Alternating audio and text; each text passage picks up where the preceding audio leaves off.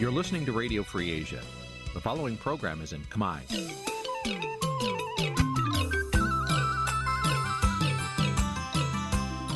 Nǐ chi càm bi tiệp xáy vệt chiu a zì sê ray នេះជាកម្មវិធីផ្សាយរបស់ Vithu Azisari ជាភាសាខ្មែរ វត្តឈូអាស៊ីសេរីសូមស្វាគមន៍លោកអ្នកនាងទាំងអស់ពីរដ្ឋធានី Washington នៃសហរដ្ឋអាមេរិក ចាប់ ពីរដ្ឋធានី Washington នាងខ្ញុំម៉ៅសុធានីសូមជម្រាបសួរលោកអ្នកស្ដាប់ទាំងអស់ជាទីមេត្រី ចាយើងខ្ញុំសូមជូនការផ្សាយសម្រាប់ព្រឹកថ្ងៃប្រហ័ស700ខែបោះឆ្នាំថោះបัญចស័កពុទ្ធសករាជ2567ហើយដល់ត្រូវនឹងថ្ងៃទី1ខែកុម្ភៈគ្រិស្តសករាជ2024 ជាកិច្ចចាប់ផ្ដើមនេះនាងខ្ញុំសូមអញ្ជើញលោកអ្នកនាងកញ្ញាស្ដាប់ព័ត៌មានប្រចាំថ្ងៃដែលមានមេត្តាដូចតទៅសង្គមស៊ីវិលជំរុញឲ្យរដ្ឋាភិបាលកែមេត្រាច្បាប់ពុករលួយ ដើម្បីឲ្យការប្រកាសទ្រព្យសម្បត្តិរបស់មន្ត្រីបង្ហាញជាសាធារណៈក្រមអតិថិជនបរិយពិភពថ្មីនាំគ្នាតវ៉ាជាថ្មី ឲ្យរដ្ឋាភិបាលជួយរកដំណោះស្រាយគណៈម្ចាស់បរិយបន្តប្រមានរឹបអូសផ្ទះកសិកររស់នៅខេត្តជាប់បឹងទលេសាប កំពុងប្រឈមបញ្ហាបំណុលក្រោយត្រូវប្រាំងងាប់ដោយខ្សែខ្វះទឹកបរដ្ឋមួយចំនួននៅខេត្តបាត់ដំបងស្នើឲ្យអាជ្ញាធរពន្លឿនការវាស់វែងដីនៅតំបន់3រួមនឹងព័ត៌មានសំខាន់សំខាន់មួយចំនួនទៀត ចាជាបន្តទៅទៀតនេះនាងខ្ញុំម៉ៅសុធានីសូមជូនព័ត៌មានទាំងនោះពឺស្ដាប់ចាលោកនាងជាទីមេត្រី អង្គភាពប្រឆាំងអំពើពុករលួយក្រុងនឹងបញ្ចប់ការទទួលឯកសារប្រកាសទ្រព្យសម្បត្តិនិងបំណុលនៅថ្ងៃទី31ខែមករាម្សិលមិញក្រោយពីទទួលបានឯកសារប្រកាសទ្រព្យសម្បត្តិរបស់មន្ត្រីរាជការជិត20000នាក់មន្ត្រីសង្គមស៊ីវិលជំរុញរដ្ឋាភិបាលកែមេត្រាច្បាប់ ប្រឆាំងអំពើពុករលួយមួយចំនួន ដើម្បីឲ្យការប្រកាសទ្រព្យសម្បត្តិរបស់មន្ត្រីរាជការបង្ហាញជាសាធារណៈចាលោកហ៊ុំចម្រើនរាយការណ៍ព័ត៌មាននេះ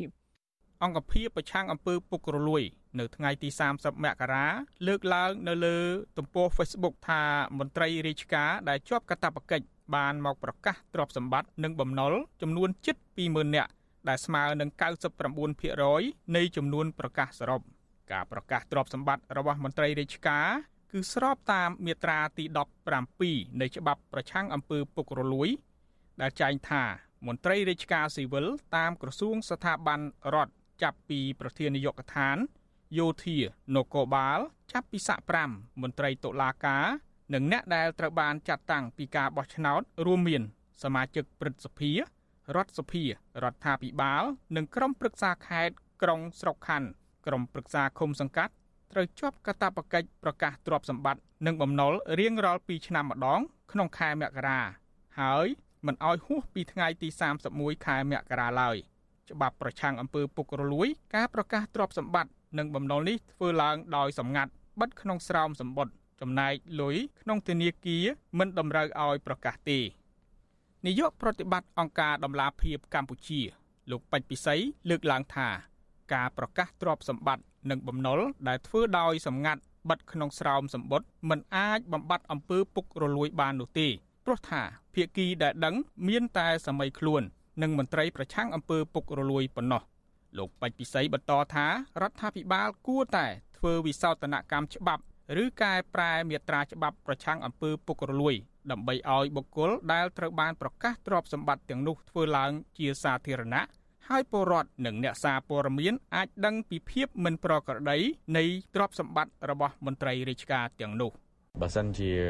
អ្នកដែលប្រកាសហ្នឹងគាត់ដឹងខ្លួនថាគាត់ពលរដ្ឋផ្សេងៗមើលគាត់គេដឹងព័ត៌មានពីគាត់លម្អិតអញ្ចឹងគាត់ហ្នឹងក៏ខ្លាចរអាក្នុងការធ្វើការកេងប្រវ័ញ្ចអីណាមួយនៅក្នុងការប្រើប្រាស់អំណាចខុសដើម្បីប្រយោជន៍ខ្លួនឯងដែរអញ្ចឹងអ្នកដែលប្រកាសគាត់រៀងញើតដែរគាត់មិនសូវហ៊ានធ្វើព្រោះគាត់ព័ត៌មានគាត់ត្រូវបានដឹងជាសាធារណៈបាទទោះបីជាយើង គិតថាមានផលវិបាកមួយចំនួនធម្មតាអ្នកខ្លះគេបារម្ភពីសុវត្ថិភាពប្រតិបត្តិនៅពេលប្រកាសទៅគេដឹងទ្របអីប៉ុន្តែយើងអាចប្រើយន្តការផ្សេងដើម្បីការពារបានហ្នឹងណាអង្គការដំឡាភិបអន្តរជាតិនៅថ្ងៃទី30ខែមករាចេញផ្សាយរបាយការណ៍រកឃើញថា ស្ថានភាពអំពើពុករលួយនៅប្រទេសកម្ពុជាក្នុងឆ្នាំ2023ស្ថិតក្នុងស្ថានភាពគួរឲ្យបារម្ភនិងអាក្រក់ជាងឆ្នាំមុនដោយទទួលបានពិន្ទុ22 ដែលធ្វើឲ្យកម្ពុជាធ្លាក់មកស្ថិតក្នុងចំណោមចំណាត់ថ្នាក់ទី158ក្នុងចំណោមប្រទេសនិងដែនដីចំនួន180ចំណែកប្រធានមជ្ឈមណ្ឌលប្រជាពលរដ្ឋដើម្បីអភិវឌ្ឍនិងសន្តិភាពលោកយ៉ងកំឯងមានប្រសាសន៍ថា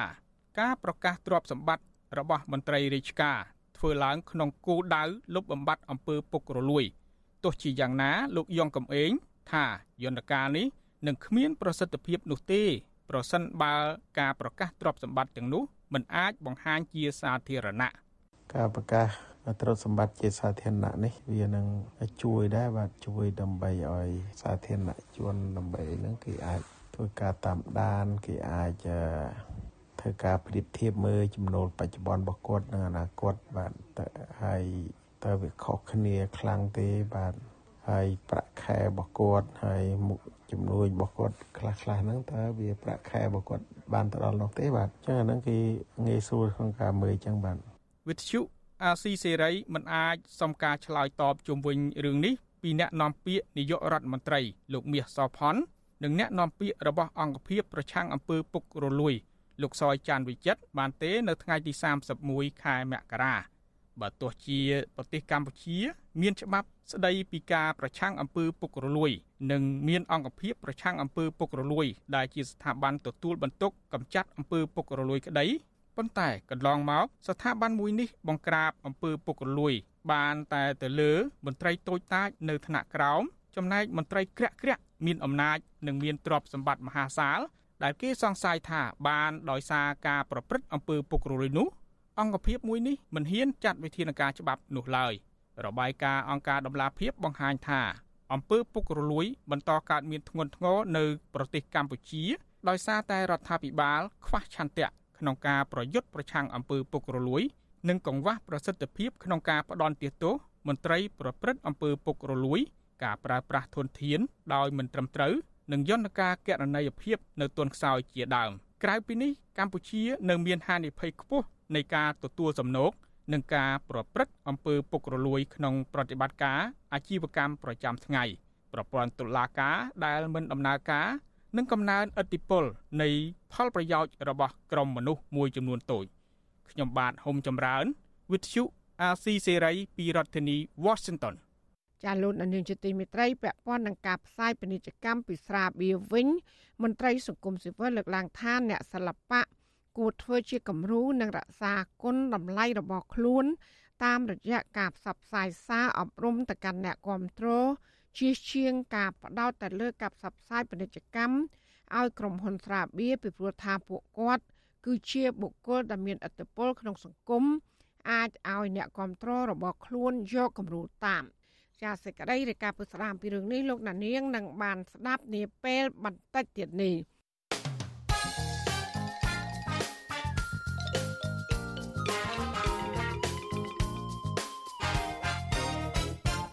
ចាលោកដានៀងជាទីមេត្រីពាក់ព័ន្ធនឹងអតិថិជននៅបរិយពិភពថ្មីវិញក្រុមអតិថិជនដែលអស់លទ្ធភាពបង់ប្រាក់បន្តទៅខាងបរិយពិភពលោក បានលើកគ្នាចេញតវ៉ាជាថ្មី ដើម្បីស្នើទៅខាងម្ចាស់បរិយឲ្យគោរពតាមគោលការណ៍របស់ខ្លួន និងការទទួលទិញផ្ទះក្នុងតម្លៃ50%នៃទឹកប្រាក់ដែលក្រុមអតិថិជនបានបង់ចាលោកទីនសាករាយារីកាព័ត៌មាននេះ ក្រុមអតិថិជនបរិយពិភពថ្មីនៅក្នុងខណ្ឌកម្ពូលប្រមាណជា100នាក់ចេញតវ៉ាជាថ្មីនៅថ្ងៃទី31មករាបន្ទាប់ពីការតវ៉ានិងដាក់ញត្តិសុំកិច្ចអន្តរាគមន៍ពីរដ្ឋាភិបាលកន្លងមកពុំឃើញមានតម្រុយដោះស្រាយជូនពួកគាត់ផ្ទុយទៅវិញខាងម្ចាស់បរិយនៅតែបន្តចេញលិខិតព្រមានរំអោសយកផ្ទះពីបរិបបន្ថែមទៀតពួកគាត់បាននាំគ្នាឈោស្រែកតវ៉ានៅខាងមុខការិយាល័យលក់របស់ក្រុមហ៊ុនពិភពថ្មីដើម្បីឲ្យលោកអង្ញាហុងពីវ ដែលជាម្ចាស់បរិយគោរពតាមគោលការណ៍ទិញផ្ទះត្រឡប់ទៅវិញក្នុងតម្លៃ50%ដោយខ្លះកាន់បាដានិងរូបថតរបស់ក្រុមគ្រួសារតកូលហ៊ុនរួមមានលោកហ៊ុនសែននិងភរិយាអ្នកស្រីប៊ុនរ៉ានីនិងនាយករដ្ឋមន្ត្រីហ៊ុនម៉ាណែតនិងភរិយាលោកស្រីខាន់ ច័ន្ទកកដាដែលកំពុងតែប្រឈមនឹងការប្រមានពីខាងបរិយាពិភពថ្មីឲ្យរើចេញពីផ្ទះដោយសារតែលោកស្រីគ្មានលទ្ធភាពបង់បន្តនោះ ប្រាប់វិទ្យុអាស៊ីសេរីនៅពេលកំពុងឈោពកូនតូចតវ៉ា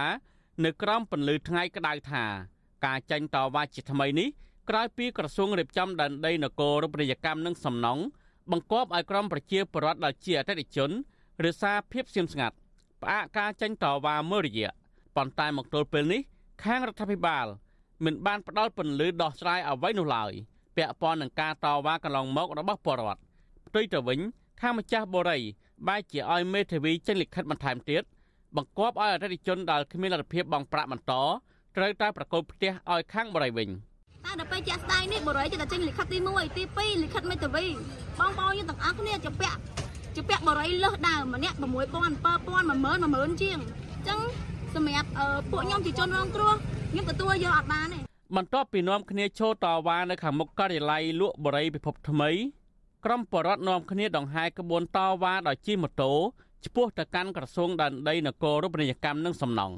ប៉ុន្តែត្រូវបានក្រុមសមត្ថកិច្ចនិងក្រុមសន្តិសុខខណ្ឌកំបូលប្រមាណជា30នាក់ចុះមករារាំងមិនអនុញ្ញាតឲ្យពួកគាត់នាំគ្នាដង្ហែក្បួនតវ៉ាដោយលើកបដានឹងកាន់រូបថតលោកហ៊ុនសែននិងលោកហ៊ុនម៉ាណែតឡើយក្រុមលេសថាដើម្បីរក្សាសវត្ថិភាពនិងស្ដាប់ធ្នាប់អតិថិជនបរិភពថ្មីម្នាក់ទៀតលោកឡាយពុទ្ធីអះអាងថា ប្រសិនបើការលើកគ្នាតវ៉ាជាថ្មីនៅក្រសួងដែនដីនគររូបនីយកម្មនិងសំណង់នៅតែគ្មានដំណោះស្រាយក្រមប្រជាពលរដ្ឋមានតែនាំគ្នាទៅតវ៉ានៅមុខផ្ទះលោកហ៊ុនសែនតែម្ដងបាទអញ្ចឹងគោលដៅរបស់ពួកខ្ញុំបើសិនជាទៅដល់ ក្រសួងដែនដីនគរពាណិជ្ជកម្មហើយពួកខ្ញុំនៅតែអត់ទាន់បានទទួលដំណោះស្រាយទៀតពួកខ្ញុំនឹងមានតែអញ្ជើញទៅបងប្អូនទាំងអស់គ្នាទៅផ្ទះសម្ដេចតេជោហ៊ុនសែនលោកជាបិតាមេដាសន្តិភាពជាទេវតារបស់ពួកខ្ញុំដើម្បីសូមឲ្យលោកជួយជំវិញនឹងរឿងនេះវិទ្យុអាស៊ីសេរីមិនអាចតកតម្ចាស់បរិយាពិភពថ្មីលោកហុងពីវនិងអ្នកនាំពាក្យក្រសួងដែនដីលោកសេងលូត ដើម្បីសំសួរអំពីបញ្ហានេះបានទេកាលពីថ្ងៃទី31មករា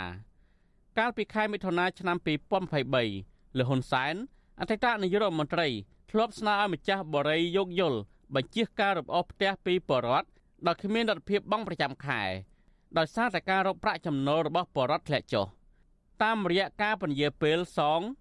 ឬកាត់បន្ថយទឹកប្រាក់ដែលត្រូវបង់ប្រចាំខែជាដើមតែទៅនឹងបញ្ហានេះ មន្ត្រីទទួលបន្ទុកសិទ្ធិមនុស្សនិងធុរកិច្ចនៃមជ្ឈមណ្ឌលសិទ្ធិមនុស្សកម្ពុជាលោកវ៉ាន់សុផាតយល់ឃើញថារដ្ឋាភិបាលគួរតែស្វែងរកយន្តការណាមួយសម្រាប់សម្របសម្រួលដោះស្រាយឲ្យអតិថិជន និងម្ចាស់បរិយាអាចទទួលយកបានទាំងអស់ដើម្បីកុំឲ្យវិបត្តិនេះកាន់តែរីកធំឡើងនៅក្នុងសង្គមអានឹងមានតែប៉ុណ្្នឹងទេបើថាមិនអញ្ចឹងទេអានឹងគឺថាបន្តិចទៀតទៅវាកាន់តែមានបញ្ហារីករាលដាលធំទៅធំទៅនឹងវាធ្វើឲ្យអស្ថិរភាពសង្គម ការរឹបអូសផ្ទះពីខាងម្ចាស់បរិយពិភពថ្មីនេះបានធ្វើឲ្យអតិថិជនខ្លះធ្លាក់ខ្លួនក្រីក្រលោកស្រីបានសុផលអាយុ57ឆ្នាំលើកឡើងថាលោកស្រីធ្លាប់រស់នៅសុកស្រួល កាលនៅក្នុងបរិយដោយសារកូនចៅនៅរកប្រាក់ចំណូលបាន គឺទំនុកបំរុងឲ្យលោកស្រីដើរតែធ្វើបុណ្យតាមវត្តអារាមប៉ុន្តែបច្ចុប្បន្នគ្រូសាលោកស្រីកំពុងតែធ្លាក់ខ្លួនក្រីក្រស្ទើរតែដល់ចំណុចសូន្យ ចាប់តាំងពីខាងបរិយបង្ខំឲ្យក្រុមគ្រួសារលោកស្រីរើចេញ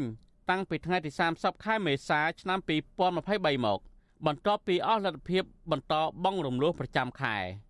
បច្ចុប្បន្នលោកស្រីធ្វើនំប៉័ងនិងចេកចៀនលក់នៅតាមមុខរោងចក្រដែលក្នុងមួយថ្ងៃលក់បានប្រហែលជា100000រៀលប៉ុន្តែបន្ទាប់ពីផាត់ចំណាយថ្លៃដើម នៅសល់ប្រាក់ចំណេញប្រមាណជា20000រៀលប៉ុណ្ណោះក្នុងមួយថ្ងៃហើយមានថ្ងៃខ្លះលក់នំសល់ គឺមិនរួចថ្លៃដើមក៏មានដែលបញ្ហានេះស្ទើរតែរកលុយមិនគ្រប់សម្រាប់បង់ថ្លៃបន្ទប់ជួល ក្នុងមួយខែ50ដុល្លារទៀតផងលោកស្រីរកប្រាក់បានបន្តិចបន្តួចនេះសម្រាប់ចិញ្ចឹមចៅកំព្រា4នាក់និងកូន3នាក់ក្នុងនោះកូនភ្លោះ2នាក់ទើបតែប្រឡងធ្លាក់បាក់ដប់បន្ទាប់ពីលោកស្រីគ្មានលុយឲ្យកូនរៀនគួរមុនពេលប្រឡងចុះមកមានអីអស់លីងពីខ្លួនយើងមានអីទៀតស្អីក៏គ្មានស្អីគ្មានទៅទៅរស់បានអីអី ព្រោះថ្ងៃប្រាប់តងគង់មានចៅអីខ្ញុំខ្ញុំស្ងប់ខាងបរិយគាត់លោកអុកញ៉ាគាត់ធ្វើបុណ្យដែរព្រោះណាគាត់ដាច់ចិត្តលោកស្រីបានសុផលលើកឡើងថាលោកស្រីបានទិញផ្ទះបងរំលោះនៅបរិយាភពថ្មីក្នុងតម្លៃ58,000ដុល្លារមុនពេលបរិយារំអស់ផ្ទះនេះយកទៅវិញលោកស្រីបង់បាន34ខែឬប្រហែលជា30,000ដុល្លារលោកស្រីក៏ដូចជាបរិយាអតីតទៀតដែរគឺទាមទារប្រាក់បង់រំលោះទាំងនោះមកវិញ ត្រឹម50% ដើម្បីទិញដីសម្រាប់កសាងគ្រួសារឡើងវិញឬយកលុយសម្រាប់ទៅធ្វើដើមទុនរកស៊ីខ្ញុំបាទទីនសាការីយ៉ាអស៊ីសេរី ប្រធានីវ៉ាស៊ីនតោន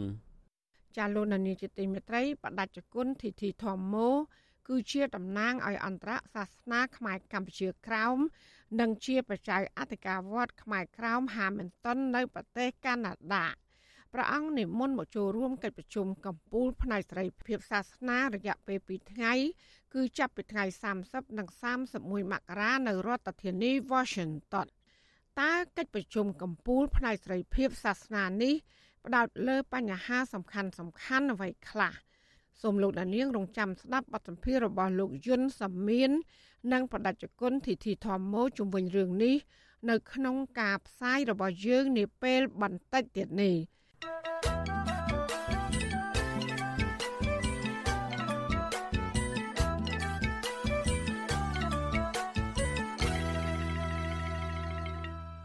ចាលោកនាងជាទីមេត្រីពាក់ព័ន្ធនឹងវិស័យកសិកម្មវិញ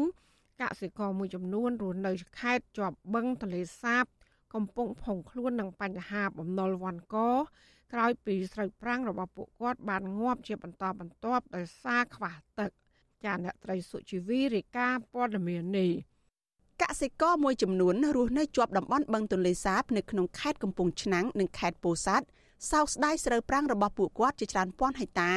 ដែលងាប់ជាបន្តបន្ទាប់លើសពីនេះបញ្ហានេះធ្វើឲ្យពួកគាត់ខាតបង់ថវិកាច្រើន ប្រឈមបញ្ហាបំណុលនិងប៉ះពាល់ជីវភាពគ្រួសារ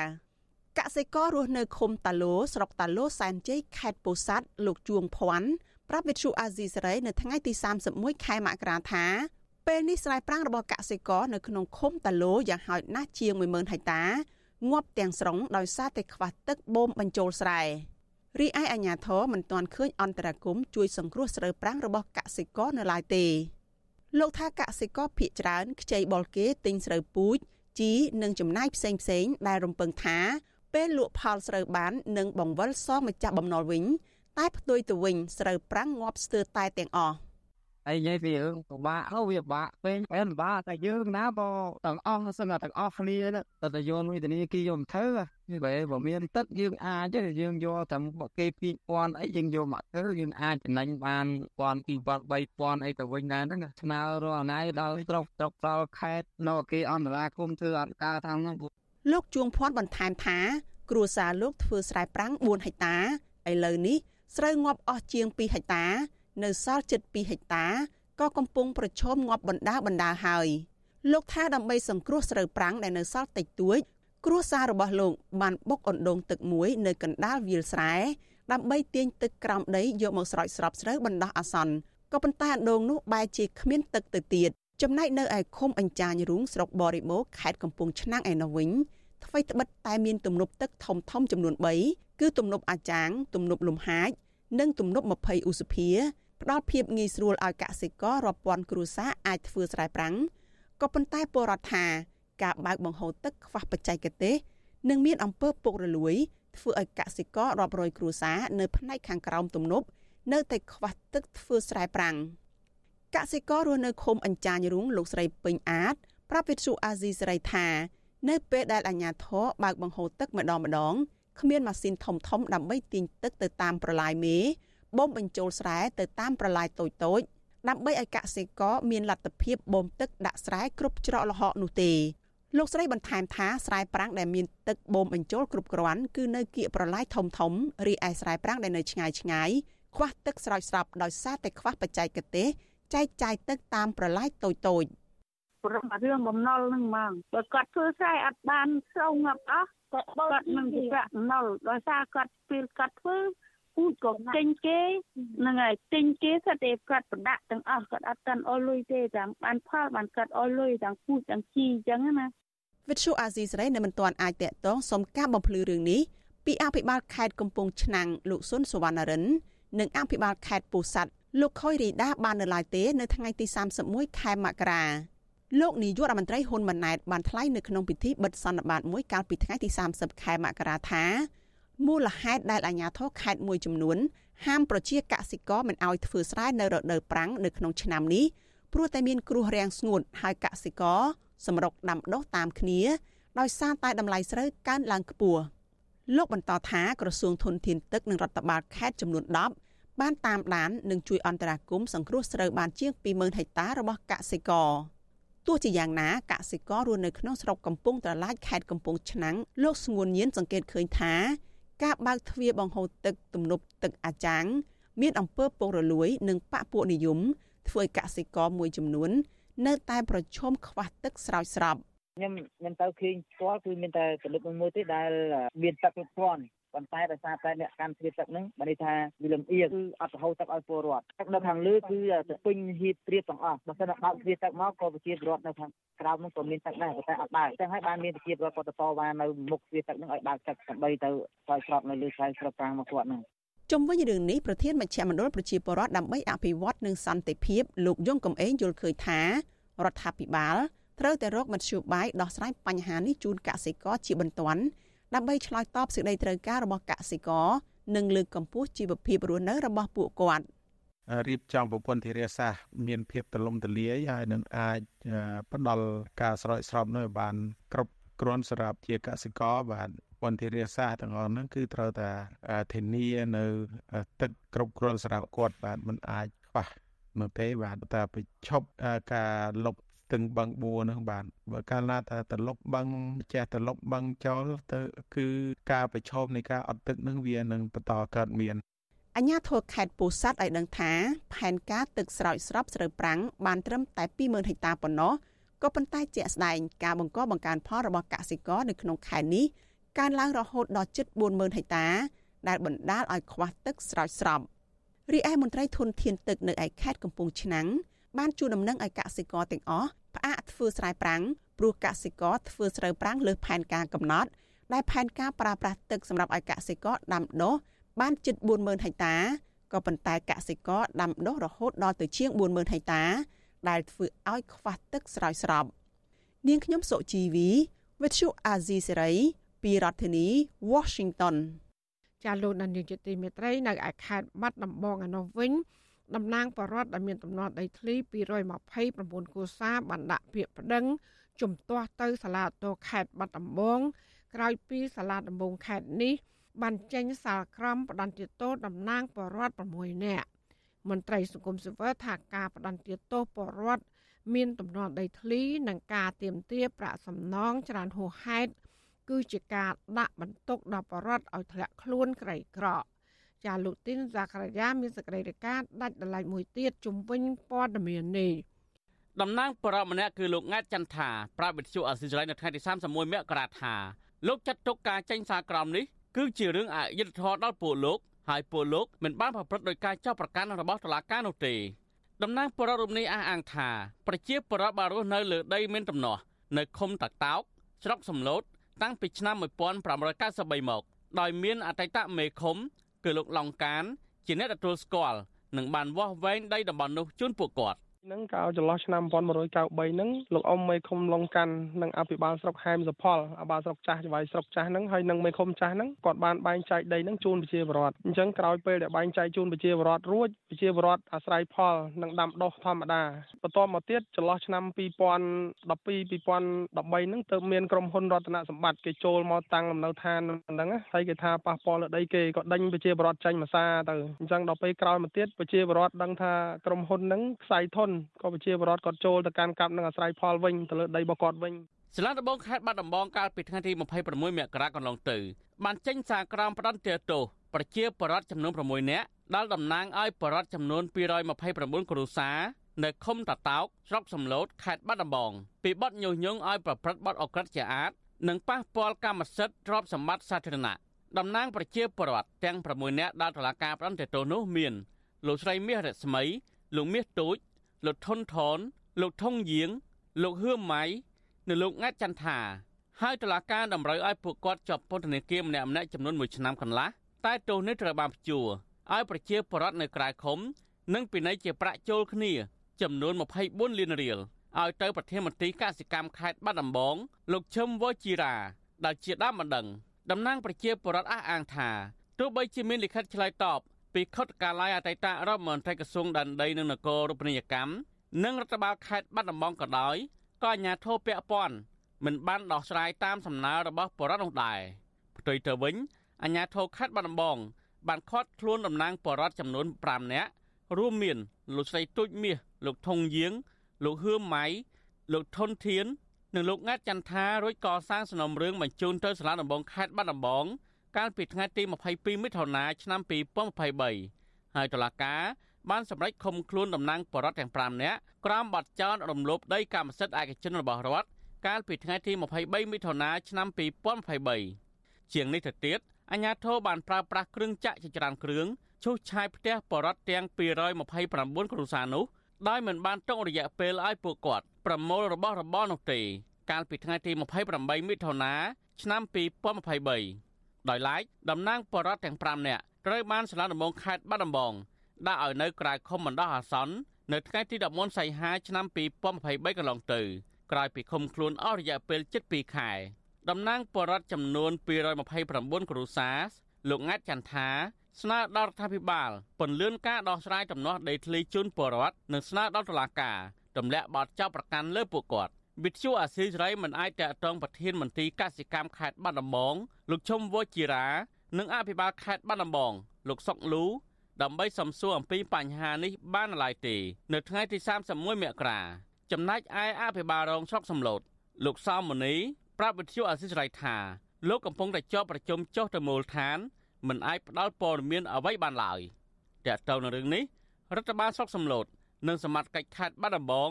កាលពីថ្ងៃទី22ឧសភា ឆ្នាំ2023កន្លងទៅបានដោះស្រាយវិវាទដីធ្លីជូនបរដ្ឋ229គ្រួសារនៅឃុំតាតោកស្រុកសំឡូតហើយបានខាត់ខ្លួនតំណាងបរដ្ឋចំនួន5នាក់តាមអំណាចនៃការបង្កប់បញ្ចូលខ្លួនតំណាងអាយកាអមសន្លបងខេត្តបាត់ដំបងលោកនុតវិនិតចុះថ្ងៃទី20មិថុនាឆ្នាំ2023អញ្ញាធិអះអាងថាតំណាងបរដ្ឋទាំង5នាក់នោះជាមេខ្លោងទន្ទ្រានដីរដ្ឋដែលគ្រប់គ្រងដោយក្រសួងកសិកម្ម ហើយដីនៅតំបន់នោះក្រសួងបានផ្ដល់ជាដីសម្បត្តិសេដ្ឋកិច្ចឲ្យទៅក្រុមហ៊ុនរដ្ឋសម្បត្តិតើតើនឹងបញ្ហានេះមន្ត្រីសម្រាប់សម្រួលអង្គការលីកាដូខេត្តបន្ទាយមានជ័យលោកអិនកញ្ចិតដែលធ្លាប់បានទៅអង្កេតបញ្ហានេះនៅខេត្តបាត់ដំបងមានប្រសាសន៍ថាពលរដ្ឋធ្លាប់បានអាស្រ័យផលលើដីនៅឃុំតាតោកស្រុកសំឡូតមុនពេលក្រសួងកសិកម្មគ្រប់គ្រងនិងផ្ដល់សិទ្ធិទៅឲ្យក្រុមហ៊ុនរដ្ឋសម្បត្តិទៅទៀតលោកបន្ថែមថាការផ្ដន្ទាទោសហើយពីនៃពលរដ្ឋក្នុងទំហំទឹកប្រាក់ច្រើនបែបនេះ ជាការដាក់បន្ទុកឲ្យពួកគាត់កាន់តែធ្លាក់ខ្លួនក្រីក្រស្របពេលពួកគាត់បាត់បង់ដីធ្លីផ្ទះសម្បែងហើយទើបតែចេញពីពន្ធនាគារនិងមានបំណុលជាប់ខ្លួនផងនោះ ការដែលតឡាការខេត្តបាត់ដំបងបានដាក់ទោសគាត់ធ្ងន់ធ្ងរអ្វីត្បិតតែនៅក្រៅឃុំមែនតែធ្វើឲ្យពួកគាត់មានវិរុទ្ធភាពធ្ងន់ធ្ងរនិងមានការខ្វាយខ្វល់និងរោគប្រាក់បងសងទៅតឡាការអញ្ចឹងកត្តាទាំងនេះហើយដែលធ្វើឲ្យពួកគាត់មានស្ថានភាពកាន់តែក្រីក្រទៅក្រីក្រទៅដោយសារគាត់បានបាត់បង់លំនៅឋានផ្ទះសម្បែងនិងដីកសិកម្មទោះជាយ៉ាងណាបរដ្ឋនិងសង្គមស៊ីវិល ស្នើដល់រដ្ឋាភិបាលពន្យាការដោះស្រាយពីបញ្ហាចំនួនដីធ្លីនេះឲ្យបានឆាប់និងទម្លាក់ចោលការចោទប្រកាន់លើតំណាងបរដ្ឋទាំង6នាក់ខ្ញុំបាទទីនសាការីយ៉ាអស៊ីសេរី ប្រធានាធិបតី Washington ចាលោកនាងទីមេត្រីពីខេត្តបាត់ដំបងនេះដែរប្រជាពលរដ្ឋទទូចឲ្យអាជ្ញាធរពន្លឿនការវាស់វែងនិងការកាត់ដីនៅតំបន់3ក្បែរបឹងទន្លេសាបឲ្យពួកគាត់ដើម្បីអាចបង្កបង្កើនផលតាមការសន្យារបស់អាជ្ញាធរនៅពេលដែលឃោសនាបោះឆ្នោតមន្ត្រីសង្គមស៊ីវិលជំរុញអាជ្ញាធរប្រញាប់ដោះស្រាយកាត់ដីទាំងនោះឲ្យប្រវត្តិនិងធ្វើបានកម្មសិទ្ធិឲ្យបានច្បាស់លាស់ជៀសវាងការបដិងផ្ដាល់តាមផ្លូវច្បាប់ នៅពេលដែលពួកគាត់ប្រើប្រាស់ដីនោះប្រជាពលរដ្ឋជាច្រើនគូសាននៅស្រុកឯកភ្នំខេត្តបាត់ដំបងក្បែរតំបន់បឹងទលេសាបថាពួកគេរងចាំអាជ្ញាធរ មកវាស់វែងកាត់ជ្រៀតដីនៅតំបន់3អរយៈពេល2ឆ្នាំមកហើយរហូតធ្វើឲ្យដីដែលពួកគាត់ធ្លាប់អាស្រ័យផលដុះព្រៃចូលលែងចុះបរដ្ឋរស់នៅភូមិបាក់ព្រាឃុំព្រៃចាស់លោកស្រីសេងថឹកប្រាប់បច្ចុប្បន្នស្រីស្រីនៅថ្ងៃទី31ខែមករាថាការពីឆ្នាំមុនអាជ្ញាធរធ្លាប់ចុះមកត្រួតពិនិត្យតំបន់3នេះដែរប៉ុន្តែมันបានវាស់វែងនោះឡើយលោកស្រីក៏បានស្នើអាជ្ញាធរពន្លឿនការកាត់ជ្រៀតដីជូនពលរដ្ឋ ឲ្យបានមុនរដូវវស្សាចូលមកដល់បកប្រកាន់ផលរាល់តែឆ្នាំហ្នឹងគ្រាន់ថាគេអត់ឲ្យយើងព្យួរឲ្យយើងធ្វើដោយដៃអញ្ចឹងអ្នកនៅខាងតលេអត់បានព្យួរធ្វើអត់សូវបានអត់សូវមានបច្ចេកទេសខាងដាំដំណាំផងទៅយើងធ្វើអត់កើតដូចគេដូចនៅកត្រៃនៅអីចឹងគេបានព្យួរបានទៅដីគេល្អអញ្ចឹងទៅគេអាចធ្វើបាននិយាយទៅទៅពិបាកបើសិនជាគេអាចឲ្យយើងព្យួរបានត្រឹមលក្ខណៈគ្រួសារតាមក្រៅក្រៅផ្ទះយើងអាហ្នឹងអាចល្អព្រោះអីត្រីឥឡូវក៏វាមិនសម្បូរដូចមុនដែរ ទោះបីជាបែបនេះក្តីមានបរិវត្តខ្លះមិនហ៊ានទៅបង្កបង្កើនផលនៅលើដីនោះដោយសារតែខ្លាចអាជ្ញាធរចាប់ខ្លួន និងបញ្ជូនទៅតុលាការដោយករណីធ្លាប់កើតកន្លងមកបរិវត្តនៅភូមិប្រៃចាស់លោកឈិនទីក៏បានស្នើអាជ្ញាធរពន្លឿនការវាស់វែងនិងចេញប្លង់កម្មសិទ្ធិដល់បរិវត្តឲ្យបានឆាប់រហ័សពីព្រោះថាពួកគាត់បានខកខានបង្កបង្កើនផលអស់រយៈពេល2ឆ្នាំមកហើយ លោកបារម្ភថាប៉ះសិនបានអាញាធននៅតែពជាពេលទៀតនោះដីដែលលោកធ្លាប់អាស្រ័យផលនឹងដោះព្រៃសុបទ្រពឡើងវិញ ដែលធ្វើឲ្យលោកត្រូវចំណាយពេលវេលានិងលុយកាក់ដើម្បីកាប់ឆ្កាអ្នកអត់ហ៊ានអត់ទៅឲ្យព្រិចដល់វិញថាយើងហ៊ានអញ្ចឹងចាប់លងតិចតិចការតិចតិចយើងអាចដាំដំណាំបានហូបដាំបានប្រមូលផលបានខ្លះបើថាត្រឹមព្រិចដល់វិញគេឲ្យយើងកាប់ឆ្កាដាំអីទៀតតែទៅជាតំបន់2តំបន់1វិញ ក្នុងពិធីបិទសន្និបាតបូកសរុបលទ្ធផលការងារនិងលើកទិសដៅបន្តរបស់ក្រសួងកសិកម្មនៅថ្ងៃទី30ខែមករាលោកនាយករដ្ឋមន្ត្រីហ៊ុនម៉ាណែតបានរំលឹកជាថ្មី ដល់មន្ត្រីនិងអាជ្ញាធរពាក់ព័ន្ធឲ្យការពារបឹងទន្លេសាបជំរុញឲ្យមានការចុះបញ្ជីដីទាំងអស់ជាប្រព័ន្ធឲ្យបានច្បាស់លាស់និងរៀបចំគូសផែនទីដើម្បីបោះបង្គោលឡើងវិញ។ ចឹងខ្ញុំសង្ឃឹមថាបងប្អូនដែលចាប់អារម្មណ៍ទៅលើដីកន្លែងតំបន់3នោះសូមម្ចាស់ការដកថយមុននឹងត្រូវការអនុវត្តច្បាប់កាលពីខែកុម្ភៈឆ្នាំ2022អតីតនាយករដ្ឋមន្ត្រីលោកហ៊ុនសែនបានដាក់ចេញចំណាត់ការផ្លេចបន្ទោដោយឲ្យអាជ្ញាធរនៅខេត្តជុំវិញបឹងទលេសាបចុះដកហូតដីព្រៃលិចទឹកដែលបរដ្ឋកំពុងអាស្រ័យផលបានធ្វើឲ្យប៉ះពាល់ដល់កសិករធ្វើស្រែប្រាំង បង្កការខាត់បងអស់ជាច្រើនគណៈមានអ្នកខ្លះក៏ត្រូវជាប់ឃុំក្នុងពន្ធនាគារពីបទរំលោភបំពានលើព្រៃលើទឹកប៉ុន្តែក្រោយមករដ្ឋាភិបាលក៏បានកែសម្រួលព្រំប្រទល់ទន្លេសាបដោយកាត់ជ្រៀតដីខ្លះចេញពីតំបន់ការពារប្រគល់ជូនបរដ្ឋដែលកាន់កាប់យូរឆ្នាំមកហើយនោះក្នុងនោះរដ្ឋាភិបាលក៏បានដកហូតដីព្រៃលិចទឹក ទំហំ60000ហិកតានៅជុំវិញបឹងទន្លេសាប មកទុកជាសម្បត្តិរបស់រដ្ឋវិញចំណែកផ្ទៃដីទំហំជាង20000ហិកតារដ្ឋាភិបាលក៏បានសម្រេចកែសម្រួលព្រំប្រទល់តំបន់2និងតំបន់3នៃបឹងទន្លេសាបជាប់ខេត្តចំនួន5ដើម្បីផ្ដល់ជាកម្មសិទ្ធិជូនបរិវត្តចំនួនជាង10000គ្រួសារវត្ថុអសីស្រីនៅពុំទាន់អាចតកតងអភិបាលខេត្តបាត់ដំបងលោកសុកលូនិងអភិបាលស្រុកឯភ្នំលោកមើសុផល ដើម្បីបកស្រាយជុំវិញរឿងនេះបាននៅឡើយទេនៅថ្ងៃទី31ខែមករាកាលពីឆ្នាំ2023រដ្ឋាភិបាលបានចេញអនុក្រឹត្យមួយ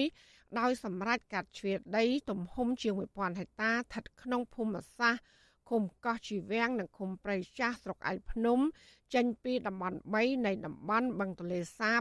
ដើម្បីធ្វើអនុប្រយោគជាដីឯកជនរបស់រដ្ឋ និងផ្ដល់ជាកម្មសិទ្ធិជូនប្រជាពលរដ្ឋចំនួនជិត3000គ្រួសារតែយ៉ាងណាកិច្ចការនេះនៅមិនទាន់បានសម្រេចទាំងស្រុងនៅឡើយដោយសារបរដ្ឋមួយចំនួននៅឃុំផ្សេងទៀតនៅមិនទាន់បានទទួលសិទ្ធិអាស្រ័យផលលើដីនោះឡើងវិញនៅឡើយ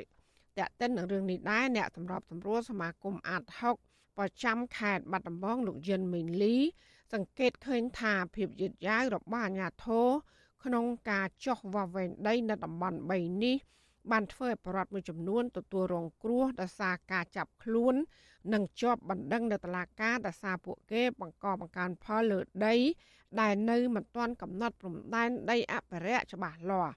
ចុះទៅធ្វើការវាស់វែងឲ្យគាត់ទៅ ហើយដើម្បីឲ្យគាត់បានព្រំប្រទល់ច្បាស់លាស់ដើម្បីឲ្យគាត់បានបាននឹងឬក៏គាត់អាចយកទៅដាក់ធនាគារទៅយកមកធ្វើការអភិវឌ្ឍឬក៏គាត់មានបាននឹងទៅដីរបស់គាត់នឹងវាមានសុវត្ថិភាពណាអញ្ចឹងមានតែរាជរដ្ឋាភិបាលធ្វើការទៅពិនិត្យឡើងវិញទៅតាមមូលដ្ឋាននឹងឲ្យបានលឿនដើម្បីបញ្ចប់បញ្ហាដ៏រ៉ាំរ៉ៃនេះបាទផ្ទៃដីនិងព្រៃលិចទឹកជុំវិញតំបន់ទន្លេសាបនេះ ត្រូវបែងចែកជា3តំបន់ក្នុងនោះតំបន់ទី1ជាតំបន់ដែលបរដ្ឋកំពុងរស់នៅអាស្រ័យផលកាន់កាប់ជាកម្មសិទ្ធិស្របច្បាប់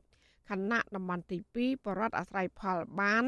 តែគ្មានសិទ្ធិជាម្ចាស់កម្មសិទ្ធិនោះឡើយដោយឡែកតំបន់ទី3គឺជាតំបន់ព្រៃលិចទឹក ដែលរដ្ឋគ្រប់គ្រងនឹងហាមឃាត់ដាច់ខាតមិនឲ្យមានការរំលោភបំពាន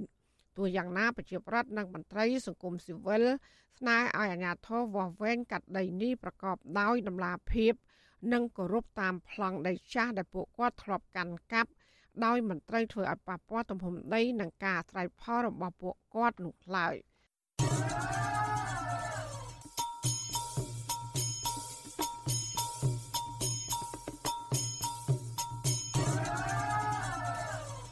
ចាលោកនានីជាទីមេត្រីចំណែកនៅខេត្តព្រះវិហារនៅវិញជនជាតិដើមភាគតិចគួយនៅស្រុកចំនួន3បារម្ភពីជីវភាពលំបាកក្រោយពីកម្លាំងសន្តិសុខរបស់ក្រុមហ៊ុនចិនដើរគម្រាមឈូសឆាយដីចំការដំឡូងរាប់ពាន់ហិកតារបស់ពួកគាត់ហើយមានបរិវត្តខ្លះរងការគំរាមកំហែងដាក់ពន្ធនាគារនិងសម្លាប់បើសិនជាពួកគាត់បន្តអត្រ័យផលនៅលើដីនោះ ចាអ្នកស្រីស្ងួនអមរារាយការលំអិតជំវិញព័ត៌មាននេះជនជាតិដើមភាគតិចគួយនៅស្រុកចំនួន3គឺស្រុកត្បៃមានជ័យស្រុកជ័យសែននិងស្រុកឆែបស្ទើរតែ80%ក្នុងចំណោមពលរដ្ឋជាង700គ្រួសារប្រកបរបរកសិកម្មដូចជាធ្វើស្រូវវស្សានិងដាំដំឡូងលក់ដើម្បីបានថវិកាខ្លះផ្គត់ផ្គង់គ្រួសារក៏ប៉ុន្តែជាង10ឆ្នាំមកនេះដីស្រែចម្ការពួកគាត់ជាង40000ហិកតាត្រូវបានក្រុមហ៊ុនអ្នកមានលុយមានអំណាចរំលោភយកប្រជាសហគមន៍ទាំងនោះ បង្កបង្កើនផល នៅលើដីរបស់ខ្លួន ដោយប្រថុយប្រឋានព្រោះប្រឈមនឹងការគំរាមកំហែងពីអាជ្ញាធរជាក់ស្ដែងនៅដើមខែមករាចំការដំឡូងជាង5ហិកតារបស់ពលរដ្ឋនៅឃុំមលូព្រៃត្រូវបានក្រុមហ៊ុនឈូសឆាយនិងដុតចោលចំណែកដំឡូងរាប់ពាន់ហិកតាផ្សេងទៀតក្រុមហ៊ុនទុកពេលឲ្យត្រឹមខែកុម្ភៈបើពួកគាត់មិនឆាប់ប្រមូលផលទេនឹងត្រូវឈូសឆាយបន្ថែម ជនជាតិដើមភាគតិចគួយ លោកស្រីណាប់នឿនរស់នៅភូមិបោះឃុំលូព្រៃស្រុកឆែបមានដីចម្ការជាង10ហិកតា ដើម្បីធ្វើស្រែនិងដាំដំឡូងលោកស្រីថាដីនេះទៅបានធ្វើវិញបន្ទាប់ពីក្រុមហ៊ុនស្ករអំពៅចិនឈ្មោះ Hengfu Group Sugar Industry ខ្សៃធនលោកស្រីអះអាងថាទោះបីក្រុមហ៊ុនខ្សៃធនក្តីប៉ុន្តែក្រុមហ៊ុនបានជួលដីទាំងនោះឲ្យក្រុមឈ្មួញផ្សេងទៀតលោកស្រីបារម្ភពីសវត្ថភាពព្រោះថ្មីថ្មីនេះ ក្រុមហ៊ុនដើរគម្រាមកំហែងប្រើអំពើហិង្សាជេរប្រមាថនិងដុតរោមចោលតាមអំពើចិត្តលោកស្រីថាប្រសិនបើករណីនេះអាជ្ញាធរពាក់ព័ន្ធពុំដោះស្រាយឲ្យបានឆាប់ទេជីវភាពរបស់ពលរដ្ឋនឹងកាន់តែលំបាកដោយសារគ្មានដីអាស្រ័យផល។ ពួកខ្ញុំភ័យខ្លាចហើយណាមួយក៏តំណាំជ័យលុយពីធនាគារមកដាំហើយដល់ពេលឈូសឆាយចូលចេះទៅពួកខ្ញុំរំពឹងអីទៀតបានអីនឹងសងគេហើយណាមួយក៏ភ័យខ្លាចដែលគេគម្រាមចាប់ដាក់គុកដាក់ច្បាក់នៅទៀតវាយដាក់ខ្នោះបោះដាឡានអត់ចូលទេពាក្យនោះហើយប្តឹងទៅតុលាការចាំមើលតិចទៀតដឹងហើយអស់បងឯងសិតតែមានឈ្មោះអស់ហើយពលរដ្ឋអះអាងថាសកម្មភាពឈូសឆាយដីពីសំណាក់ក្រុមហ៊ុន តាមអំពើចិត្តនេះពុំឃើញមានអាជ្ញាធរអើពើទប់ស្កាត់នោះទេផ្ទុយទៅវិញ អាញាធរបែជាកាន់ជើងខាងក្រុមហ៊ុន ចំណែកប៉ូលីសបានប្រើគ្រប់រូបភាព តាមខ្លំមើលនិងគម្រាមកំហែងមកលើពលរដ្ឋមិនឲ្យនិយាយប្រាប់អ្នកសារព័ត៌មានជនជាតិដើមភាគតិចគួយម្នាក់ទៀតលោកខាតស៊ីសុផាន មានចំការដំឡូងជាង3ហិកតាត្រូវក្រុមហ៊ុនឈូឆាយហើយដុតចោលចំណែករូបលោក និងតំណាងសហគមន៍3រូបទៀតត្រូវបានប៉ូលីសចាប់ពួកគាត់រុញចូលឡាន ដោយជនល្មើសហើយបញ្ជូនទៅស្នងការដ្ឋាននគរបាលខេត្តកាលពីថ្ងៃទី18ខែមករាអំឡុងពេលពួកគាត់ចោះទប់ស្កាត់ត្រាក់ទ័រឈូសឆាយដំណាំ លោកចាត់តុកការធ្វើទុកបុកម្នេញពីសំណាក់អាជ្ញាធរមកលើពលរដ្ឋជាហោហែនេះជារឿងអយុត្តិធម៌លោកទទូចឲ្យរដ្ឋាភិបាលគួរតែបញ្ឈប់ការរំលោភបំពានជនជាតិដើមភាគតិចព្រោះពួកគាត់ពុំដឹងពឹងអ្វីនោះទេតំណាងថាក្រុមហ៊ុននេះនៅតែចូលធ្វើឲ្យខ្ញុំនៅតែបន្តហាមឃាត់តទៅទៀត ខ្ញុំមិនថយក្រោយទេព្រោះបើខ្ញុំថយក្រោយខ្ញុំបានអីនឹងបង់ធនាគារខ្ញុំធ្វើនេះឯងព្រមបានតក់តក់បង់ធនាគារព្រោះខ្ញុំធ្វើរឿងឯនេះខ្ញុំយកលុយធនាគារមកធ្វើដល់ពេលមកបំផ្លាញជួដំណាំរបស់ខ្ញុំចូលអស់តើខ្ញុំបានអីនឹងទៅឲ្យធនាគារវិទ្យុអាស៊ីសេរីពំអាចតេតងអភិបាលខេត្តព្រះវិហារលោកកឹមរិទ្ធីនិងអភិបាលស្រុកឆែបលោកឡង់សុបិនដើម្បីបកស្រាយជុំវិញរឿងនេះបានទេ នៅថ្ងៃទី30ខែមករា យ៉ាងណាអភិបាលខេត្តព្រះវិហារលោកនពវុធី កាលពីថ្ងៃទី26ខែមករា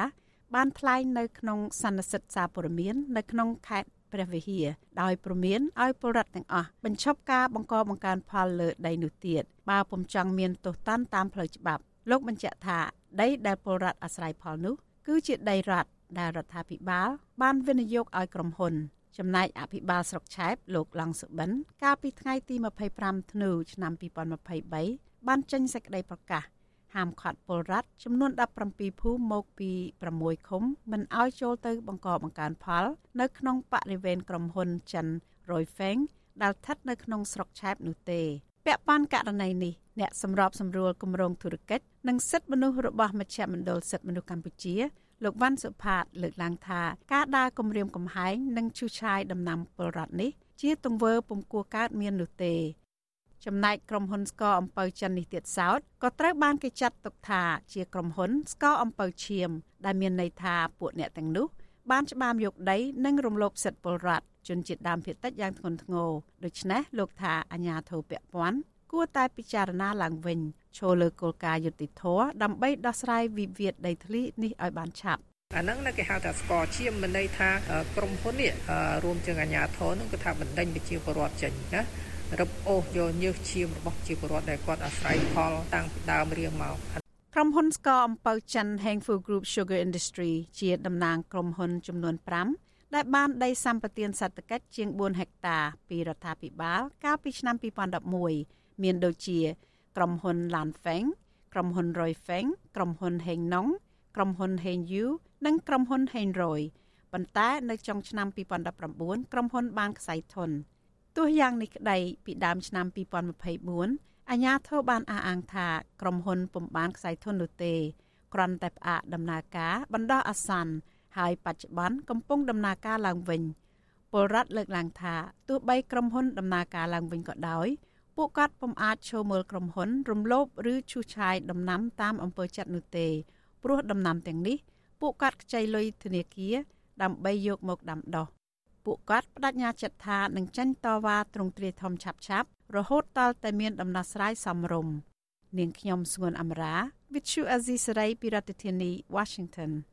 ចាលោកនាងជាទីមេត្រីពាក់ព័ន្ធនឹងការផ្សាយពាណិជ្ជកម្មពីស្រាបៀរវិញមន្ត្រីសង្គមស៊ីវិលលើកឡើងថាអ្នកសិល្បៈ គួរធ្វើជាគំរូនិងរក្សាគុណតម្លៃរបស់ខ្លួន តាមរយៈការផ្សព្វផ្សាយសារអប់រំទៅកាន់អ្នកគ្រប់គ្រងជាជាងការផ្ដោតតែលើការផ្សព្វផ្សាយពាណិជ្ជកម្មឲ្យក្រុមហ៊ុនស្រាបៀរពីព្រោះថាពួកគាត់ គឺជាបុគ្គលដែលមានឥទ្ធិពលក្នុងសង្គមអាចឲ្យអ្នកគ្រប់គ្រងរបស់ខ្លួនយកគំរូតាមការថ្លែងបែបនេះបន្ទាប់ពីក្រុមហ៊ុនផលិត និងចែកចាយស្រាបៀរមួយចំនួន បានបើកយុទ្ធនាការផ្សាយពាណិជ្ជកម្មតាមរយៈការប្រគំតន្ត្រី ដើម្បីតាក់ទាញប្រជាពលរដ្ឋឲ្យទទួលទានគ្រឿងស្រវឹងចាប់ពីរដ្ឋធានី Washington អ្នកត្រីសុជីវីរាយការណ៍ពីស្ដារជំវិញព័ត៌មាននេះក្រោយហេតុការណ៍គ្រោះថ្នាក់ចរាចរណ៍ដ៏រន្ធត់ជាច្រើនករណីដែលបង្កឡើងដោយអ្នកបើកបរសែបគ្រឿងស្រវឹងមកមួយរយៈកាលនេះមហាជនហាក់ភ្លេចហេតុការណ៍ដ៏សោកសៅទាំងនេះបន្តិចម្ដងបន្តិចម្ដង រីឯក្រុមហ៊ុនស្រាបៀរមួយចំនួន បានយកឱកាសនេះបង្កើតកម្មវិធីប្រគំតន្ត្រី និងជួលពិធីករព្រមទាំងតារាចម្រៀងល្បីៗដើម្បីឡង់សេផលិតផលឲ្យកាន់តែលក់ដាច់ជាងមុនដោយសារតែក្រុមហ៊ុនស្រាបៀរនៅកម្ពុជា មានចំនួនច្រើន បានធ្វើកម្មវិធីប្រគំតន្ត្រីទាំងនោះត្រូវគេរៀបចំឡើងបន្តកន្ទុយគ្នាដើម្បីប្រកួតប្រជែងតាក់ទាញអតិថិជនរៀងៗខ្លួនក៏ប៉ុន្តែសង្គមស៊ីវិលយល់ឃើញថា វេទិកាប្រគំតន្ត្រីរបស់ក្រុមហ៊ុនស្រាបៀរទាំងនេះប្រៀបបានទៅនឹងសាលាបង្រៀនឲ្យពលរដ្ឋសេពគ្រឿងស្រវឹងកាន់តែខ្លាំងនិងអាចធ្វើឲ្យមានវិបត្តិសង្គមកាន់តែធ្ងន់ធ្ងរនៅពេលអនាគតអ្នកតស៊ូមតិនៃអង្គការអភិវឌ្ឍធនធានយុវជន YRDP លោកស្រីសកនិកាយល់ឃើញថា ទាំងក្រុមហ៊ុនស្រាបៀរទាំងសិល្បករគួរចូលរួមផ្សព្វផ្សាយដោយដាស់តឿនទៅកាន់ប្រជាពលរដ្ឋកុំឲ្យភ្លើតភ្លើនហួសកម្រិតសែបគ្រឿងស្រវឹងលើសកម្រិត ដែលធ្វើឲ្យប៉ះពាល់ទៅដល់សង្គម។ អញ្ចឹងនៅពេលដែល idol តែងតែបង្ហាញនៅគំរូភាពនៃការផឹកស៊ីឬក៏ការប្រើប្រាស់ពាក្យពេចន៍អសុរោះទាំងអស់នោះវាបានបញ្ជ្រាបឲ្យយុវវ័យនៅក្នុងប្រទេសកម្ពុជារបស់យើងហ្នឹងគាត់ភ្លើតភ្លើនហើយនឹងធ្វើតាមទាំងដែលមិនដឹងថាទង្វើហ្នឹងវាជារឿងខុសឬក៏ត្រូវទេអញ្ចឹងវាជារឿងសំខាន់ណាស់ដែលតារាតារាជាពិសេសអ្នកដែលកំពុងតែមានឈ្មោះល្បីគួរតែផ្លាស់ប្ដូរអេរិយាបថខ្លួនឯងត្រឡប់មកធ្វើការចូលរួមផ្សព្វផ្សាយតាក់ទងជាមួយនឹងសារអប់រំបដិគំនិតឲ្យយុវជនខិតខំរៀនសូត្រក៏ដូចជាចូលរួមនៅក្នុងការអភិវឌ្ឍសង្គម នៅរយៈកាលនេះក្រុមហ៊ុនស្រាបៀរមួយចំនួនរៀបចំកម្មវិធីប្រគំតន្ត្រីឬ concert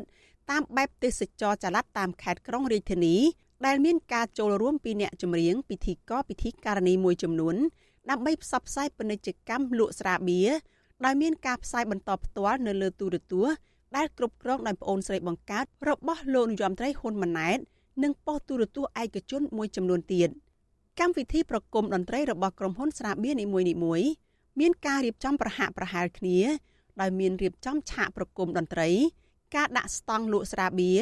និងកន្លែងសម្រាប់ឲ្យអ្នកមកទស្សនាទទួលទានស្រាបៀរផងដែរនៅលើឆាកដែលមានភ្លើងពណ៌ឆើតឆាយពិធីករកាន់ស្លាកស្រាបៀរបានរៀបរាប់ពីរសជាតិស្រាបៀរដែលពួកគេថាទទួលទានហើយធ្វើឲ្យជីវិតរីករាយស្រស់ស្រាយនិងមានរង្វាន់លើកទឹកចិត្តជាដើមចំណែកឯតារាចម្រៀងពួកគេបានថ្លែងអំណរគុណទៅដល់ក្រុមហ៊ុនស្រាបៀរ និងឃោសនាផលិតផលរបស់ក្រុមហ៊ុនទៅកាន់អ្នកគាំទ្រ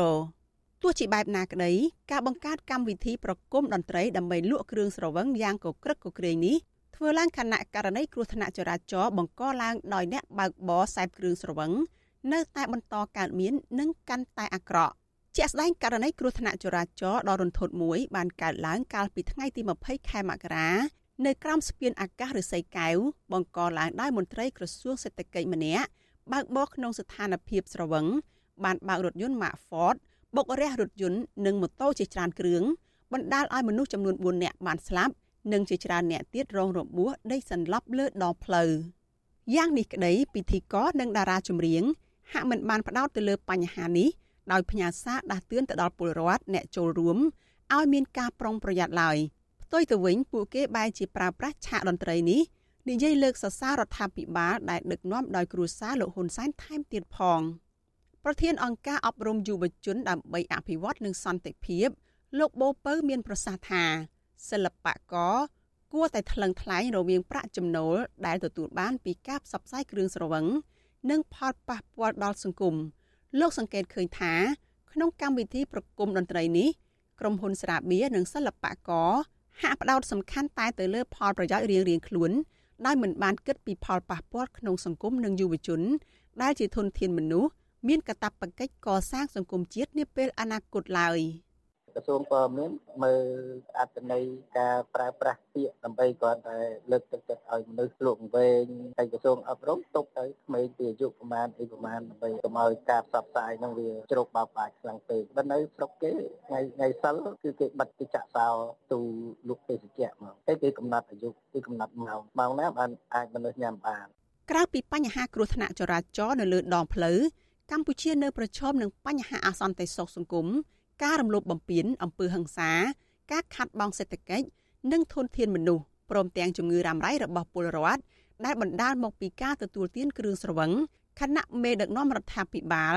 បានត្រឹមតែទទួលស្គាល់ពីបញ្ហាទាំងអស់នេះតែគ្មានវិធានការជាក់លាក់ម៉ឺងម៉ាត់ធានាលើការកាត់បន្ថយ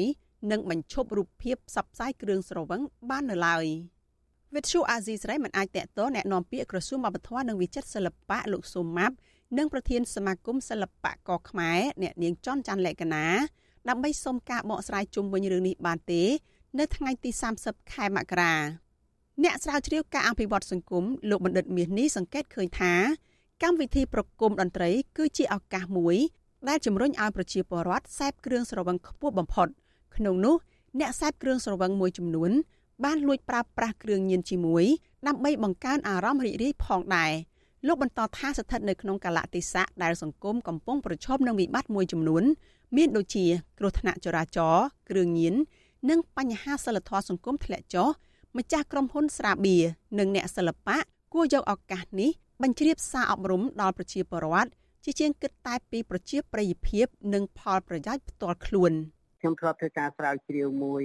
ក្នុងចំណោមយុវជនកាលពី3 4ឆ្នាំមុនណា គឺនៅពេលដែលយុវជនទៅកន្លែងសុបាយសុបាយហ្នឹងគឺស្ទើរតែ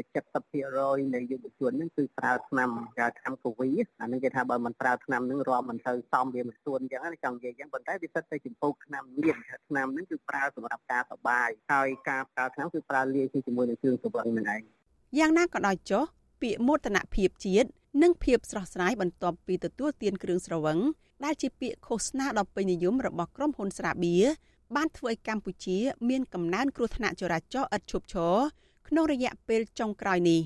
តាមរបាយការណ៍របស់អគ្គស្នងការដ្ឋាននគរបាលជាតិគិតពីថ្ងៃទី1ដល់ថ្ងៃទី21ខែមករាឆ្នាំ2024បង្ហាញថា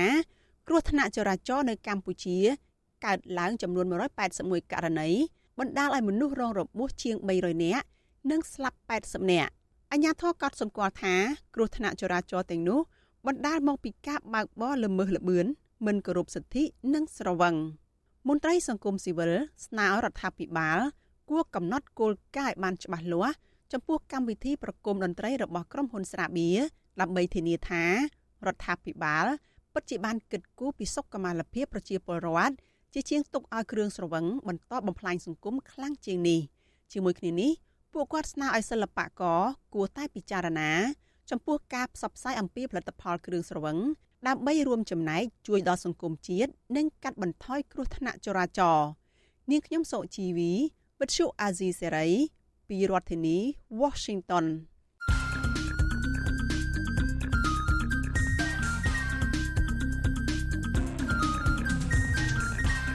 បទសំភារ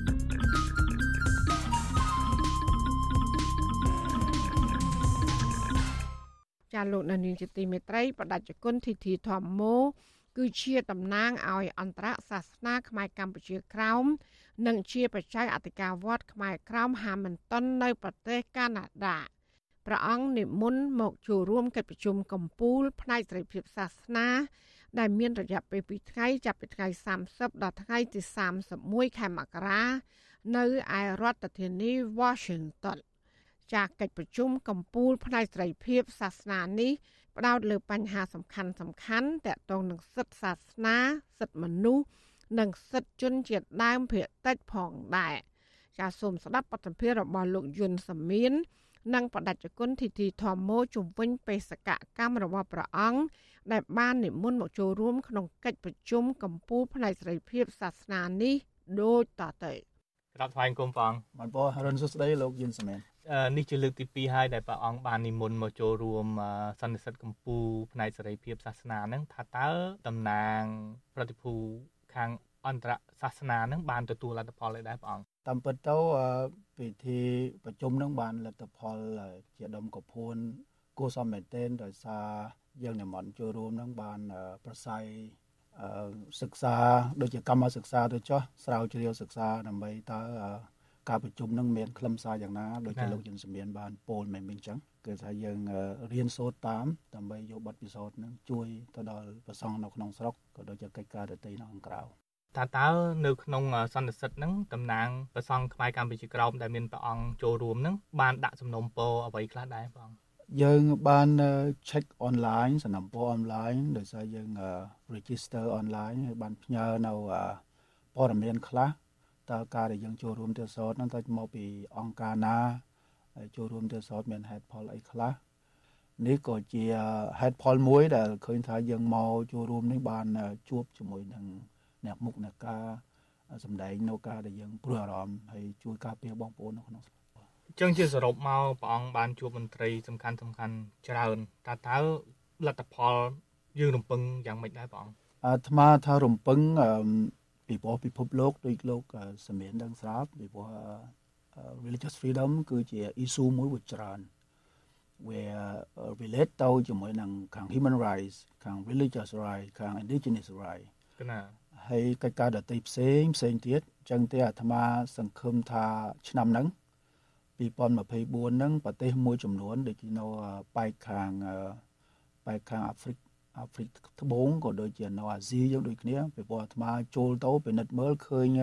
ប្រទេសមួយចំនួនដែលដែលចូលមកប្រជុំពីម្សិលថ្ងៃហ្នឹងហ្នឹងលើកលែងតែខ្មែរយើងទេអត់មានដល់ឡែកប្រទេសជិតខាងយើងមានតួយ៉ាងដូចជាវៀតណាមដូចជាហ្វីលីពីនដូចជាម៉ាឡេស៊ីឥណ្ឌូនេស៊ីអឺមកពីតៃវ៉ាន់មកពីជប៉ុនអញ្ចឹងនឹងទៅទៀតឡាវក៏គេមកដែរគេមាន3 4ក្រុមអញ្ចឹង សង្ឃឹមថាមិនសង្ឃឹមថាដោយសារនៅក្នុងហ្នឹងយើងមើលឃើញគេបន្ទាប់ពីពលដោយសារហេតុដូចមិនដេចមូលហេតុអីបាទអន្តរសាសនាហ្នឹងបន្ទាប់គេប្រជុំឲ្យត្រឹមត្រូវគេយក wrap up ទាំងអស់ព័ត៌មានដែលបានជជែកគ្នានៅក្នុងសន្និសីទនឹងទៀតសតអាមេរិកកាំងគេនឹងចាត់គេនឹងក្លេប្រទេសណាខ្លះដែលឃើញថាមានការលំលោភសិទ្ធិសាសនា ក្នុងនឹងជាសតអាត្មាជឿថាប្រទេសវៀតណាម ត្រូវបានគេចាត់ទុក designated ជា country of particular concern CPC គឺជាប្រទេសដែលដែលធ្ងន់ធ្ងរត្រូវបានរំលោភទៅលើសិទ្ធិមនុស្សនៅក្នុងនោះងាកទៅសេរីភាពសាសនានៅកម្ពុជាក្រមព្រះអង្គជួយលើកយកបញ្ហាសំខាន់មួយពីរមកថាតើអ្វីដែលខាងរដ្ឋាភិបាលវៀតណាមគួរដោះស្រាយឬក៏ផ្ដល់សេរីភាព ឲ្យប្រសង់ពលរដ្ឋខ្មែរក្រោមនឹងឲ្យអនុវត្តសិទ្ធិសាសនាឲ្យបានប្រសើរជាងពេលបច្ចុប្បន្នណាបងស្មាថាវៀតណាមរដ្ឋាភិបាលពិសេសខាងពីពលវៀតណាមជាប្រទេសដែលរក្សានៅរបបកុម្មុយនីសឯកបកហើយបានអនុវត្តនៅច្បាប់មួយនឹងធ្វើទុកបុកម្នេញទៅលើអ្នកគោរពបូជាសាសនាពិសេសគឺ ប្រសង់ខ្មែរក្រមក៏ដូចជាប្រជាពុទ្ធបរិស័ទខ្មែរក្រមគណាអឺស្របពេលនេះទៀតសតអាត្មាថាថ្នាក់មូលដ្ឋានក៏ដូចជាថ្នាក់ខេត្តមជ្ឈុំក៏ដោយវៀតណាមគួរតែកែប្រែកែប្រែច្បាប់ដោយសារថ្ងៃស្អែកហ្នឹងទៅជាថ្ងៃទី1ហ្នឹងមានសវនកម្មអ្នកស្រី Winty Depp ដែលជាសកម្មជនអ្នកពុទ្ធសាសនិកជនបាន ឃុំឃាំងរហូតជិត6ខែកាលថ្ងៃទី7ខែ8រហូតមកដល់ក្នុងឆ្នាំ2024នេះ6ខែជាងសវនាការនឹងកាត់ទោសនៅថ្ងៃស្អែកទៅចោតប្រកាន់ទៅលើលំលោភទៅលើមេត្រាច្បាប់3 31ហ្នឹងមិនព្រោះតាក់ទិនជាមួយនឹងរដ្ឋបវេនីអាត្មាជឿថាយាកណាមនៅតែមានចេតនាធ្វើទុកបុកម្នេញធ្វើបាបចាត់ទុកថា ជាកិច្ចមួយដែលគម្រាមកំហែងទៅលើសិទ្ធិនៅក្នុងការប្រតិបត្តិនៃជំនឿផងតាក់ទងជាសេរីភាពរបស់បុគ្គលមួយរូបមួយរូបណាមិនពោអញ្ចឹងទេយាកណាមគួរតែពិនិត្យបច្ច័យឡើងវិញពីព្រោះខ្លួនក្នុងនាមជាតំណាងខាងសិទ្ធិមនុស្ស Council ខាង Human Rights ជា membership ផងជាសមាជិកក្រុមប្រឹក្សា អភិបាលខាងសិទ្ធិមនុស្សគួរតែប្រយ័ត្នប្រយែងគួរតែបើកសេរីភាពជំនឿពីពួកខ្លួនជាសមាជិកចាត់ទុកថាជាអាណាព្យាបាលរបស់គេអរគុណព្រះអង្គងាកមកកិច្ចប្រជុំកម្ពុជាសេរីភាពសាសនាវិញឮថាព្រះអង្គនឹងនិមន្តមកឆ្នាំក្រោយម្ដងទៀតដើម្បីចូលរួមនឹងតើឆ្នាំក្រោយនឹងព្រះអង្គមានអ្វីជាការចូលរួមនៅក្នុងសន្និសីទកម្ពុជានេះសន្និសីទកម្ពុជាឆ្នាំក្រោយយើងនឹងព្យាយាម ជាវ booth display នៅឯកសារសាសនាព្រះវិហារហើយសពបែបយ៉ាងដែលជាឯកសារព័ត៌មានសុទ្ធសុទ្ធពីដែនដីកម្ពុជាក្រមមានរូបវត្តទី1ទី2យើងនឹងព្យាយាម register ចូលដើម្បីមានឱកាសឡើងថ្លែងការគេឲ្យម្ដងប្រហែលជាពី3ដល់5នាទីគឺណា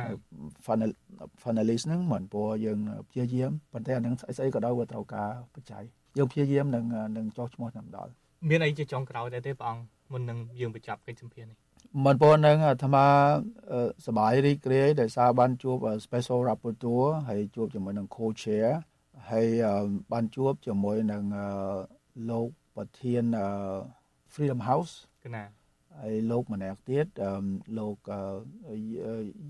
USID ដែលជាអ្នកជួយជំនួយពួក USID ដែលជំនួយទៅប្រទេសកម្ពុជាដូចជាវៀតណាមសប្តាហ៍ថ្ងៃ มันមានអីក្រៅពីសំណុំពរឲ្យបដិជគុណឲ្យបងប្អូនពិសេសគឺបដិជគុណនៅដែនដីកម្ពុជាក្រមញាតិញោមពុទ្ធបរិស័ទខ្មែរយើងទូទៅលើពិភពលោកទាំងមូលគួរតែយកចិត្តទុកដាក់ថែមថែមទៀតពីរឿងការប្រតិបត្តិនៃពុទ្ធសាសនាដោយអាត្មាឃើញថាសាសនាខ្មែរយើងមិនមានគេហៅអមចតឬមួយគ្រឿងបរិសុទ្ធមួយដែលធ្វើឲ្យពិភពលោកនេះទៅយកចិត្តទុកដាក់ពិសេសគឺតួអង្គនៃព្រះសង្ឃដែលនិមន្តមកចូលរួមជាមួយនឹងមហាសន្និបាតហ្នឹង ធ្វើគេនឹងយកចិត្តទុកដាក់គេចាប់អារម្មណ៍មែនទែនអរគុណព្រះអង្គច្រើនដែលបានចូលរួមមកផ្ដល់កិច្ចសម្ភាសឲ្យវិទ្យុអេស៊ីសេរីព្រះអង្គបានពោះអរគុណលោកយុនសមៀនចាលោកនានីជាទីមេត្រីកັບផ្សាយរយៈពេល1ម៉ោងរបស់វិទ្យុអសីសេរី ជាភាសាខ្មែរនៅពេលនេះចប់តែប៉ុណ្ណេះចាយើងខ្ញុំសូមជូនពរដល់លោកនាងព្រមទាំងក្រុមកុសាទាំងអស់ សូមជួបប្រកបតែនឹងសេចក្តីសុខសេចក្តីចម្រើនកុំបីឃ្លៀងឃ្លាតឡើយចានាងខ្ញុំម៉ៅសុធានីព្រមទាំងក្រុមការងារទាំងអស់នៃវិទ្យុអសីស្រីសូមអរគុណនិងសូមជម្រាបលា